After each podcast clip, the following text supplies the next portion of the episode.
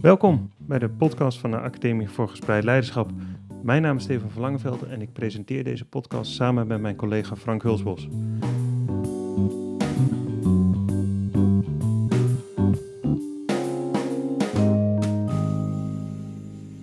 En vandaag gaan we weer in gesprek met Eefje Theeuwissen. Hoi Eefje. Hi. Leuk dat je er weer bent, want een week of vier geleden hebben we voor het eerst met elkaar een podcast opgenomen rond een onderzoek wat we nu aan het doen zijn in tijden van uh, corona. Toen hebben we eigenlijk het onderzoek vooral ingericht op uh, de eerste week, twee weken sinds dat de maatregelen waren afgekondigd en uh, welk effect dit eigenlijk had op schoolleiders en docenten in hun samenwerking aan onderwijsontwikkeling. Toen splitsten we dat ook op in meer veranderkundige inzichten, zou je kunnen zeggen, en meer onderwijskundige inzichten. En we zijn dat onderzoek in de tussentijd hebben we dat voortgezet. En vandaag willen we eigenlijk in de tijd na die twee weken met elkaar gaan kijken naar uh, wat heeft dat dan nu aan inzichten opgeleverd. En eigenlijk heeft dat heel veel uh, gedaan, merkt wel. Uh, dus we willen deze podcast ook opdelen in twee gesprekken. We nemen een andere podcast op die meer over de veranderkundige inzichten gaat. En deze van vandaag die gaat meer over de onderwijskundige inzichten. Um, nou, wat al wel interessant is, uh, we merkten bijvoorbeeld uh, in het begin dat rondom autonomie uh, het onderwijs eigenlijk meer leerlinggestuurd was dan ooit. Maar tegelijkertijd ontdekken we nu al wel dat we daar toch ook wel wat, nog wat vraagtekens of in ieder geval nuances in kunnen aanbrengen. En in ons vorige onderzoek concludeerden we ook al dat relatie toch wel ook een zorgenkindje was. En daar hebben we nu ook meer inzicht over op kunnen doen. Uh, voordat we er even induiken in die inzichten om die te bespreken, misschien goed om even wat te vertellen over hoe we dit deel hebben aangepakt. Evie, zou jij dat uh, kunnen toelichten? Ja, dus waar we de vorige keer eigenlijk vrij uh, open een aantal verhalen hebben opgevraagd van docenten en schoolleiders, hebben we nu een set van elf diepte-interviews gedaan, waar we uiteindelijk twaalf mensen gesproken hebben. Dus één interview was een dubbel interview. Um, en we hebben ze daarin eigenlijk allemaal dezelfde gespreksonderwerpen voorgelegd. Dus inderdaad, Steven, wat jij net al zei, als het ging om het onderwijskundige aspect, dan hebben we gekeken naar de autonomie, naar de relatie. We hebben nog een stukje naar toetsing gevraagd, wat daarop uh, in beweging was. En we zijn iedere keer geëindigd met de vraag: wat vind je nu echt de moeite waard om vast te houden? Uh, of wat brengt deze situatie? Wat leer je van deze situatie? En wat je straks mee zou willen nemen als de schooldeuren wel gewoon weer open gaan. Um, en ik ben wel heel benieuwd om maar gewoon eens even te starten bij dat stukje van, uh, van autonomie. Stefan, ja. jij zei het al, van het leek in eerste instantie, kregen we reacties van het onderwijs is leerling gestuurder. Wij waren benieuwd, betekent dat nou ook meer autonomie voor de leerling? Wat hebben jullie daarover teruggehoord van jullie gesprekspartners? Ja, um, wat mij heel erg opviel daaromtrent, uh, is dat ik uh, van de drie docenten die ik heb gesproken, ik heb drie docenten en twee schoolleiders gesproken, dat alle drie die docenten mij vertelden dat ze heel veel moeite steken in het heel goed voorbereiden van hun opdrachten en hun instructie.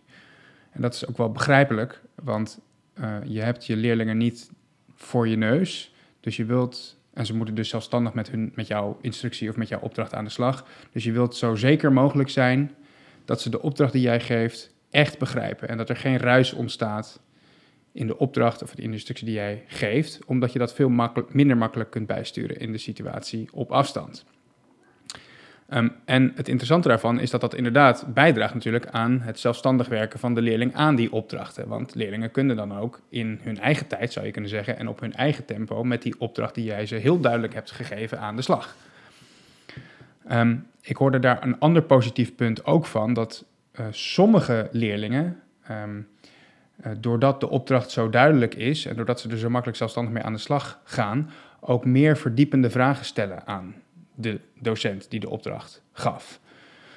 Uh, dus tot zover zou je kunnen zeggen de positieve kant hè, van um, de wijze waarop nu opdrachten en instructie wordt gegeven op het gebied van autonomie. Tegelijkertijd, en ik weet niet hoe jullie dat hebben gehoord, zou je ook wel kunnen zeggen dat hoe afgebakender en hoe duidelijker de opdracht, hoe kleiner de invloed van leerlingen is op de inhoud van het onderwijs, op de inhoud van die opdracht.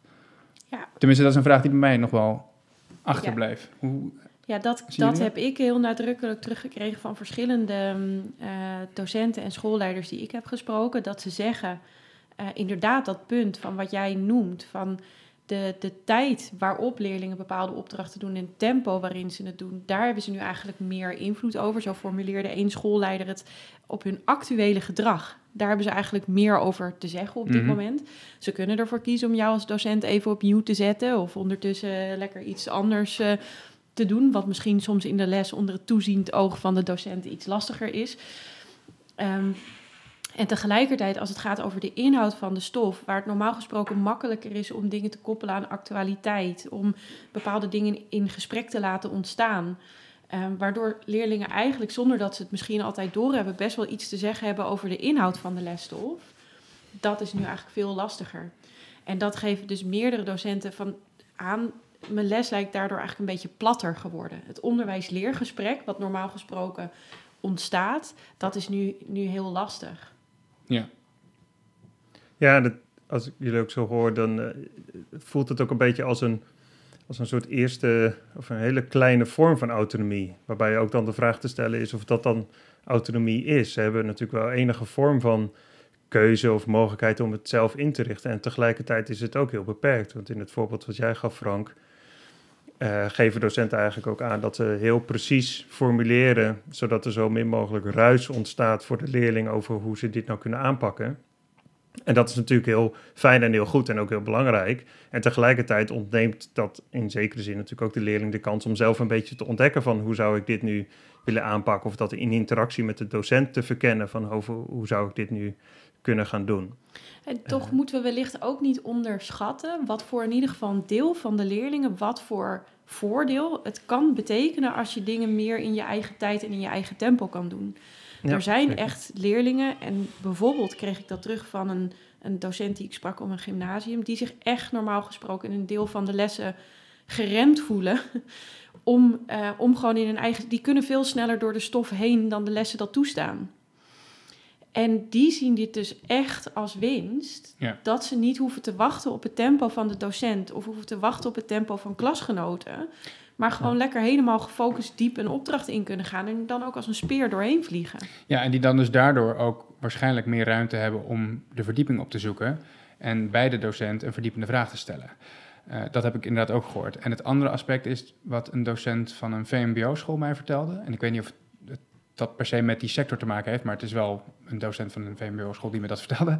Die zei, eh, sommige leerlingen, en dat zijn er, hij zei zo'n een handjevol zeg maar per klas, die zijn eigenlijk, eigenlijk juist gebaat bij deze situatie, omdat ze veel minder afgeleid worden door de reuring die ze normaal gesproken in de klas ervaren. Ja. Eh, waardoor ze heel snel afgeleid zijn. De situatie zoals die nu is, zorgt erbij dat handjevol leerlingen juist weer vol voor dat ze nu eh, met meer aandacht en daardoor ook sneller door de stof heen gaan. Ja. Dus het is een soort functie, je zou bijna kunnen zeggen, een soort functionele, een functioneel voordeel. Dus dat onderwijs-leerproces waar jij het over had, dat, dat is veel lastiger van de grond te krijgen. Maar voor een aantal leerlingen eh, is het eff- effectiever of zo, zou je kunnen Ja. zeggen. Ja, en ik denk daarin dus ook, Stefan, wat, wat jij al zei. Van, ehm, er zijn natuurlijk zeker ook nog allerlei eh, kenmerken of aspecten van autonomie. die niet per se beter geworden zijn door deze situatie. En dat is dat over de, de plaats waar je graag leert. Een deel van de kinderen snakt echt naar weer naar school kunnen en daar leren. Maar over die fysieke plek, daar heb je nu niks te zeggen. Daar heeft niemand van ons op dit moment iets over te zeggen. De inhoud van de lesstof, daarvan concludeerden we net eigenlijk Ja. ook al dat daar niet meer ruimte in ontstaan is. Misschien dat die ruimte daar zelfs kleiner is geworden, Ja, zou je kunnen zeggen. hoe je getoetst wordt en wanneer je daarop getoetst wordt, daar hebben leerlingen over het algemeen ook nog steeds weinig over te zeggen. Dus ik denk dat we simpelweg zouden con- kunnen concluderen dat bepaalde aspecten van de autonomie wel degelijk iets gegroeid zijn, maar dat je op andere aspecten van de autonomie ziet dat het hetzelfde is gebleven of zelfs wat afgenomen is. En dan Ja. is het misschien maar net waar een leerling veel waarde aan hecht, of die dit ervaart als mijn autonomie is, eh, is toegenomen, of dat hij dit juist ervaart als mijn autonomie wordt beperkt. Ja, want dat is volgens mij wat jij inderdaad ook aangeeft, Frank. Van dan, dus dan ontstaat er een situatie wat dan voor een handjevol leerlingen een, een, een prettige eh, eh, ja, zeggen, situatie is. En tegelijkertijd is dan natuurlijk ook, dat horen we ook in de verhalen wel terug, dat het ook voor een grote groep heel pittig is. Want het vraagt veel van hun eigen zelfstandigheid. eh, van hun eigen drive en motivatie, zou je kunnen zeggen, om ergens mee aan de slag te gaan. Ehm, en dat is voor veel ook wel gewoon echt moeilijk en een drempel. Ehm, en op dat punt is, zou je kunnen zeggen, is die, is die autonomie of die eh, eh, veel meer op eigen verantwoordelijkheid van de leerling gericht natuurlijk ook wel een, nog wel een vraag, denk ik. Ja, ja en, je zou je, en, en als het dan gaat om wat ik aan het begin zei over de duidelijkheid waarmee die opdrachten en die instructie nu wordt overgebracht. Het is voor mij eigenlijk nog een vraag hoor, misschien leuker voor het vervolg. Um, daar spraken de, de docenten die ik sprak over in positieve zin, zo van dat zorgt ervoor dat er minder ruis is. Maar tegelijkertijd vraag ik me af, als je zo'n opdracht nog meer afbakent hè, en nog meer ervoor zorgt dat die zo duidelijk mogelijk is en dat je eigenlijk als, als je wil er eigenlijk voor zorgen dat je als leerling met geen vragen achterblijft. Is dat niet juist ook heeft dat niet juist ook een negatief effect op de invloed die de leerling ervaart op uh, ja, de inhoud van de stof? Um, um, word je daar niet ook juist veel uh, opdracht uh, gestuurder door, zal ik maar zeggen? Ja. Welke ruimte heb je dan als leerling nog om zelf een, zijsta een zijstapje te maken in het thema waar het over gaat. Ja, ik, ik, ik, weet het niet hoor, maar ik vraag het me af. misschien van, van hoe de docent met zijn opdracht vervolgens omgaat voor de kinderen die heel actief het contact opzoeken en vragen van goh, dat, dat hoorde ik dus bijvoorbeeld ook uit een van de gesprekken terug van een school waar ze al gewend waren dat leerlingen best wel veel die mogen vragen om, maar uh, kan ik het niet ook op deze manier inleveren of kan ik er niet zo'n eindproduct van maken? Dat is gedrag wat ze normaal gesproken al best wel stimuleren. Zij merken dat leerlingen dat in deze situatie ook nog steeds doen.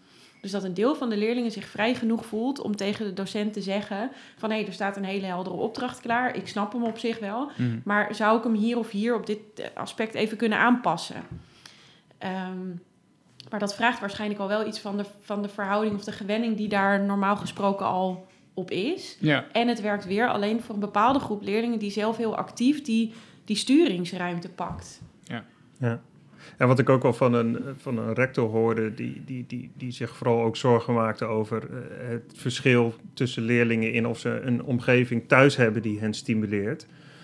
Ik denk dat dat hier ook wel een relatie mee heeft. Namelijk heb je bijvoorbeeld ouders die je ook wat kunnen helpen bij het op gang komen, zeg maar, met, met het onderwijs. Om eventjes uh, uh, te lezen van welke opdrachten zijn er dan. Hoe ga ik die inplannen? Wanneer ga ik dat doen?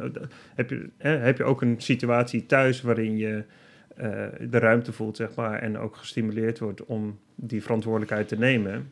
En eigenlijk maak je daarmee in zekere zin ook een beetje een brug naar dat, naar dat andere stuk wat we verkend hebben. De, de rol van die relatie eigenlijk speelt ja. in het leerproces. Um, want wat ik merk is dat verschillende scholen, die hebben wel een soort van, ja, de ene school noemt het dan een tweede cirkelmentoren. Of er zijn gewoon een aantal leerlingen die dus niet zo goed zelfstandig tot werken komen. En zo is er bijvoorbeeld een school die heeft gezegd, nou die kinderen worden allemaal gekoppeld aan iemand die, nou normaal gesproken bijvoorbeeld LO-onderwijs verzorgt en dat nu maar ja, in een hele beperkte mate kan doen. Dus die heeft tijd over, vindt dat ook leuk. Die wordt gekoppeld aan een aantal leerlingen die eigenlijk bij wijze van spreken ochtends een telefoontje nodig hebben van, joh, wat ga je nou vandaag doen? Zie het een beetje zitten. En aan het eind van de dag weer even een telefoontje krijgen van wat is je gelukt, wat is minder gelukt, hoe ga je het morgen aanpakken? Nou, dat is natuurlijk een hele intensieve vorm eigenlijk van Persoonlijk van persoonlijke, ja, van persoonlijk contact. Ja. Die een bepaalde groep leerlingen dus echt nodig heeft om überhaupt tot, tot actie te komen. Ja. ja dus je zegt eigenlijk daar eh, relatie of verbondenheid ervaren met docenten kan al, een motief, kan al op zichzelf een reden zijn of een aanjager zijn om tot leren over te gaan. Ja. Is wat je bedoelt te zeggen. Ja. En je ziet dat die leerlingen die op die manier benaderd worden door een groep docenten die vrijgespeeld is van zijn gebruikelijke taken, dat die die rol dus ook echt kunnen vervullen, ook in de huidige tijd. Ja. Voor die leerlingen. Ja. Ik heb iets vergelijkbaars gehoord van een docent uh, die uh, VMBO-examenklas had, maar die, dus, en, maar die hadden de schoolexamens allemaal al gedaan. Dus zijn, hij en zijn sectiegenoten die kwamen, waren min of meer vrij van het onderwijs wat ze moesten geven aan die leerlingen, aan die groep leerlingen. Want het examen verviel. Dus die leerlingen waren in principe allemaal geslaagd. uh, en die zijn toen gekoppeld aan eerste en tweede klassers. Om wekelijks met ze contact te hebben en ook echt intensief, soms een half uur uh, via uh, Teams, te helpen bij het werken aan bepaalde opdrachten. En dat was voor die leerlingen ook een enorme aanjager om met die stof bezig te blijven en het ook gewoon te snappen, zou ik maar zeggen, waar het over gaat. En ik denk dat, dat vind ik dus het mooie wat je, wat je proeft aan, aan al die interviews. Dat eigenlijk zowel docenten als schoolleiders nu echt ervaren hoe wezenlijk die relatie of die verbondenheid is in relatie tot het leerproces. Mhm. En dat een schoolleider daar bijvoorbeeld ook over zegt van deze fase maakt nog duidelijker dat de school echt een ontmoetingsplek voor kinderen is. En dat het zijn van die ontmoetingsplek, dat dat aan zich voor kinderen een reden is die leren eigenlijk helemaal niet leuk vinden. Om toch maar naar die plek te gaan, omdat ze daar hun vrienden ontmoeten en lekker kunnen hangen. En, en dan ook af en toe nog maar iets doen wat met leren te maken heeft. Maar nu dus die school als ontmoetingsplek weg is, Ja. die soort van stimulans om iets te gaan doen wat met school te maken heeft, ook echt wegvalt. Ik wil niet te veel op eh, onze andere podcast over de organisatiekundige kant van de zaak stappen, maar toch even kort. Datzelfde geldt voor heel veel docenten en voor schoolleiders die nu ook eh, de, de, de reuring en de ontmoeting, de reuring van school missen en de ontmoeting met collega's op school missen.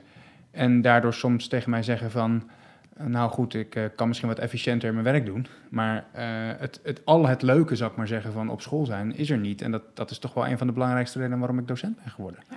En dus, ja, en via, via de mensen die wij spraken, eh, horen we ook dat leerlingen dit eigenlijk ook eh, enorm missen aan school. Dat, eh, en, niet eens alleen maar eh, volgens mij hun klasgenootjes en hun vrienden, zeg maar, maar gewoon inderdaad het hele aspect van op school zijn, samen zijn, je onderdeel van dat geheel voelen in relatie met docenten. Ja, misschien zouden de leerlingen de eerste zijn die zeggen, hè, eindelijk geen school meer. Maar eigenlijk komen zij ook volgens mij nu tot het inzicht, dat is ook gewoon, ja, kan ook een hele fijne plek zijn om te zijn.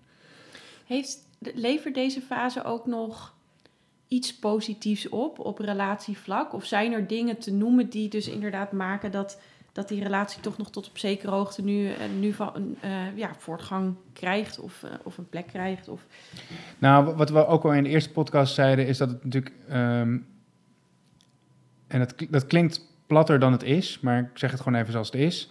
dat het echt leuk is om je docenten en voor de docenten om hun leerlingen in een andere context te zien. En, en, dat moet je niet, denk ik, altijd makkelijk overdenken. Dat is echt, denk ik, bevorderlijk voor eh, de relatie en met name ook het, eh, het meer egalitair maken van de relatie tussen leerlingen en docent. Ik, ik geloof echt dat je anders naar je docent kijkt op het moment dat je hem in zijn thuissituatie op de, nou ja, weet ik veel, aan zijn keukentafel ziet. met een kind die ergens die- binnen komt rennen of voorbij komt rennen. Ja, die, eh, dan wanneer ja. die meneer Jansen is die voor de klas Ja. eh, staat en in zijn professionele omgeving. Ik denk echt dat dat, dat, dat nog steeds geldt. Mag ik daar één leuk voorbeeldje? Want wat bijvoorbeeld een docent die ik sprak daarover aangaf, is dat hij zei dat hij dat ook expres nu een soort van uitnutte. Ja. En dat hij dan bijvoorbeeld een soort gekke poster op de achtergrond hing als hij eh, als die ging starten Oh met zijn instructie. Of juist om dat gevoel van, hé, hey, er is dus niet zo hiërarchie en er is wel degelijk contact of, of iets persoonlijks, iets grappigs mogelijk. Ja. Ehm, maar dat deed hij wel als tegenhanger van het feit dat hij het gevoel had, functioneel contact gaat eigenlijk best wel goed door. Al het meer persoonlijke of wat vraagt om, ja, zoals hij dat dan warmte noemde, dat is veel lastiger. Ja, ja dat is ook een, een docent die ik sprak, die, die zei dat het, nou ja, dat, dat, dat hij alleen maar vaart op de relatie die hij eigenlijk eerder heeft opgebouwd. En dat hij niet het gevoel heeft eh, de, de relatie verder te kunnen ontwikkelen, zeg maar. Misschien met een aantal waar je wat makkelijker goed contact mee hebt, lukt dat misschien nog wel, maar eigenlijk met een grote groep lukt dat helemaal niet meer. En ehm, hij relateerde dat ook echt aan zijn eigen werkplezier. Dus hij zei gewoon, dat is voor mij gewoon een reden waarom ik eh, onderwijs leuk vind. Om ook juist die korte gesprekjes op de gang te hebben. Of even heel laagdrempelig, eh, zonder dat je iemand direct opbelt. Want dat is nu natuurlijk eigenlijk ook de situatie. Als je nu iemand ga je bellen om te vragen hoe is het met je. Dat voelt veel zwaarder, zou je kunnen zeggen, dan eh, dat je eventjes op de gang iemand aanschiet met... hey, goh, eh, hoe ging die toets van gisteren eigenlijk? Of ik hoorde dat je thuis een wat lastige situatie hebt. hoe gaat het met je? Al die kleine gesprekken die zijn nu weggevallen. En ja, dus, dus de- dit is trouwens dan niet het positieve eruit... maar je zou kunnen zeggen, het soort van positieve eruit... is de, dus de verdere realisatie over hoe belangrijk je dat eigenlijk vindt. En hoe essentieel dat voor iedereen is om... A, zijn werk leuk te vinden. eh, en B, eh, om, eh, om, om, om echt een school te kunnen zijn. Een plek te kunnen zijn waar je kan... Maar je zou, dus, je zou, je- we worden dus. Dit onderzoek bevestigt dus het, het, het breed eh, gehoorde gevoel onder onderwijsmensen dat, dat, je, dat, het, dat het echt essentieel en waardevol is om met elkaar een schoolgemeenschap te zijn waar je elkaar ook echt treft. Nou, dat is natuurlijk geen verrassende conclusie, maar dat wordt nog even extra bevestigd. Tegelijkertijd zitten er dus wel een aantal punten in hoe we nu het onderwijs vorm hebben gegeven de afgelopen paar weken, die wel positief zijn. Laten we ze even op een rijtje zetten. Ehm, Wat, ik- wat De ik een, zelfstandigheid een mooie vind daarin, zoals een van eh, eh, nou, mijn gesprekspartners zo mooi formuleerde, is je wint aan efficiëntie, maar verliest aan betekenis. ja, En, maar je wint dus wel aan efficiëntie. ja, Eh, het lijkt erop als onder, of het onderwijs nu soms iets meer teruggebracht is tot de kern. Ehm, en dan wil ik niet zeggen dat dat per se de kern is die we ook van betekenisvol of be- betekenis vinden. Maar dat we nu meer vraagtekens stellen bij wat moeten kinderen nou echt precies weten of kunnen. En Hoe vaak moeten we nou eigenlijk per se toetsen en hoe zien die toetsen eruit? hoe vaak hebben we ze überhaupt met z'n allen in zo'n ruimte voor onze neus nodig? Nodig. Of kunnen sommige kinderen het niet ook met één of twee contactmomenten? En het antwoord op elk van deze vragen is nou misschien wat minder of anders dan we het gebruikelijk doen. Hè? Dus er, zijn wat, er is wat beweging, zou ik maar zeggen, gaande in hoe we met het leren van leerlingen omgaan en hoe we dat proberen te ondersteunen, die echt wel positief zijn, zou je kunnen zeggen. Ja, en ik, ik denk dat het wel goed is dat, om hier ook nog wel toch even bij te benadrukken dat, dat we dan denk ik niet willen verkennen van, nou eigenlijk is eh, er heel veel in deze manier van onderwijs geven helemaal dikke prima. Want uiteindelijk is natuurlijk gewoon dit een crisistijd waarin het onderwijs niet de vorm kan krijgen die je zou willen. Ook niet qua, qua hoeveelheid, zeg maar. En, want eh, kinderen zouden meer leren als ze in deze tijd op school hadden gezeten dan dat ze nu thuis zitten. Volgens mij willen we dat ook niet doen. We willen niet gaan zeggen nu, hé, hey, eigenlijk zijn er allerlei dingen die eh, helemaal 100% zijn. Maar volgens mij is het inderdaad interessant om te verkennen, wat zijn kleine kiemen, zou je kunnen zeggen, of andere manieren van kijken naar het onderwijs die eh, een potentie tonen wanneer we zo meteen weer in een situatie zitten eh, waarin we de kinderen weer gewoon naar school kunnen. Ja. Nou, daarin zeggen dus veel docenten en schoolleiders ook, en dat benoemden we net misschien al een beetje, maar om nog even wat explicieter naar voren te halen. Het doet ook echt wel iets positiefs in de ontwikkelingen rond toetsing, die al een tijd lang op scholen gaande waren. ja, absoluut. Dus je zag al op veel scholen dat er nagedacht wordt over minder toetsen, de, het belang van cijfers minder groot maken, meer formatief. Ja. En dat deze tijd dat best wel ondersteunt en, en zelfs ook versnelt, dat eh, Ja, proces. ik, ik heb eh, eh, als voorbeeld één schoolleider echt uitgesproken horen zeggen dat zij al een aantal jaar bezig, zijn met formatief toetsen. Ehm, en dat dat, dat dat op zich wel door veel mensen wel wordt door een aantal mensen wel wordt opgepakt, maar dat, dat het nooit echt helemaal van de grond komt. En dat er nu gewoon docenten zijn die daar echt volledig negatief in stonden, die nu helemaal omgedraaid zijn in de zin van dat ze nu ook echt de waarde ervan inzien. Wat ze ook graag in de situatie als we straks weer op school elkaar ontmoeten, willen voortzetten. Bijvoorbeeld het werken met leerdoelen en ehm, eh, het, het, het geven van feedback gedurende het werken aan een opdracht. Dat zijn aspecten die, waarvan sommige docenten nu de waarde hebben ingezien, wat ze ook echt niet meer kwijtraken als ze straks op school komen. En dat daarin denk ik dus ook bepaalde eh, digitale tools heel ondersteunend kunnen zijn. Ja. Dus ik hoor heel veel docenten enthousiast over Microsoft Teams en de mogelijkheden die dat biedt om eh, het leerproces van leerlingen te volgen, ze gerichte feedback te geven, ze eh, even één of twee persoonlijke opdrachtjes voor ze klaar eh, te zetten. Dat is niet het enige wat Microsoft Teams biedt. Ehm, maar daar zit dus ook nog wel iets dat, dat veel docenten dus ook de waarde van eh, nou, handiger geworden zijn op het digitale vlak. En aan het ontdekken zijn wat bepaalde digitale tools het onderwijsproces toch ook kunnen bieden of hoe het het kan vergemakkelijken. Ja, daar heb ik ook nog wel een mooi voorbeeld van. Dat een docent die vertelde dat ze nu, ja, natuurlijk ook gedwongen door deze situatie, wat beter gingen kijken naar hun elektronische leeromgeving, de plek waar alle opdrachten en zo staan.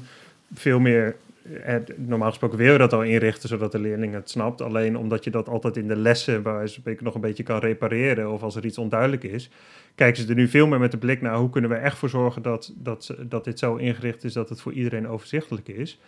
Eh, Dus hij merkt dat is een kwaliteitsslag die we nu eigenlijk maken, die we zo mee kunnen nemen eh, naar het vervolg. Want dat is altijd in elke situatie fijn. En, want dit, eh, eh, dit is een FAVO-lyceum, komt het voorbeeld van. die, die hebben leerlingen die ook soms op afstand wonen. En voor wie het heel lastig kan zijn om naar de school te komen. En hij merkte, dit is, geeft eigenlijk ook hen veel meer in handen om ze af en toe ook dingen thuis te kunnen doen. Dus, dat het niet, dat, dus hij zat al na te denken over de situatie hierna.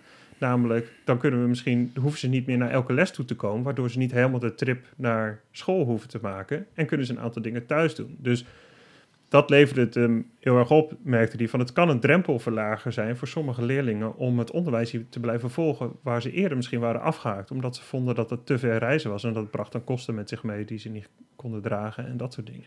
Ja, en, en dat is misschien dan eigenlijk een beetje in het verlengde van iets wat we wellicht ook al eerder een beetje gezegd hebben, maar dat ik uit meerdere interviews terug heb gehoord dat, dat een aantal docenten ook nou, niet helemaal verrast, want ze wisten maar nog extra positief verrast of bevestigd in het feit hoeveel leerlingen toch ook zelfstandig kunnen doen. En dat dat ook wel iets is wat ze mee willen nemen in het nadenken over andere roosters, meer keuzemogelijkheden, meer dingen toch ook op afstand of in je eigen tijd kunnen doen. Dus volgens mij hebben ze nog niet meteen helemaal beelden bij de vorm. Maar dat je hierin iets ontdekt wat je straks wel, wat je niet kwijt wil raken. Je wil niet die zelfstandigheid die ze nu gewonnen hebben ineens weer eh, de kop indrukken of Mhm. zo. Daar wil je Ja. juist op voortbouwen of het misschien zelfs nog versterken. Ehm, en daar Ja. zit voor mij, als ik dan nadenk over de volgende fase van ons onderzoek, dat lijkt me heel leuk om daarop te gaan verdiepen de komende tijd. Van wat voor beelden beginnen er nu bij schoolleiders en docenten te ontstaan over hoe je toch bepaalde positieve elementen van deze noodgedwongen lastige situatie, welke beelden je erbij krijgt van hoe je die kan integreren met, nou ja, het, het, oude of wat je gewend was of ehm, als de deuren straks weer open gaan. Ja. Ja, wat je, wat, wat- dat hebben we natuurlijk net ook verkend, wat, wat echt een gemis is. Maar dat gecombineerd met de mooie inzichten of kleine ervaringen die je hebt opgedaan, kun je daarmee kijken dan inderdaad naar je onderwijs. En eh, kom je dan tot, tot nieuwe ideeën. Dat is natuurlijk heel interessant. Ja, en het is natuurlijk ook nog even de vraag of ze in juni weer open kunnen of dat het eh, naar september gaat. Maar eh, het is in ieder geval heel boeiend voor de rest van het onderzoek om eh, dat te doen, ja. ja, mooi. Nou, volgens mij hebben we zo eh, de onderwijskundige inzichten wel mooi verkend met elkaar. En ehm, nou, we gaan in- dus in een losse podcast doen we de veranderkundige inzichten. Maar voor, voor nu denk ik dat we voldoende hebben. En denk ik ook de uitnodiging naar de luisteraar. eh, wil je hier graag op aanhaken of wil je je eigen inzichten delen? Dan eh, zijn we gewoon te bereiken. Dat kan onder andere via contact.gespreidleiderschap.nl. Op Twitter en zo zijn we ook gewoon te vinden. Ehm, in ieder geval eh, leuk dat je hier naar luisterde. En eh, de tip om dus ook de andere podcast te gaan luisteren. Ehm, en jullie, Frank, even bedankt voor deze. Ja, En tot de volgende. tot de volgende. Doei!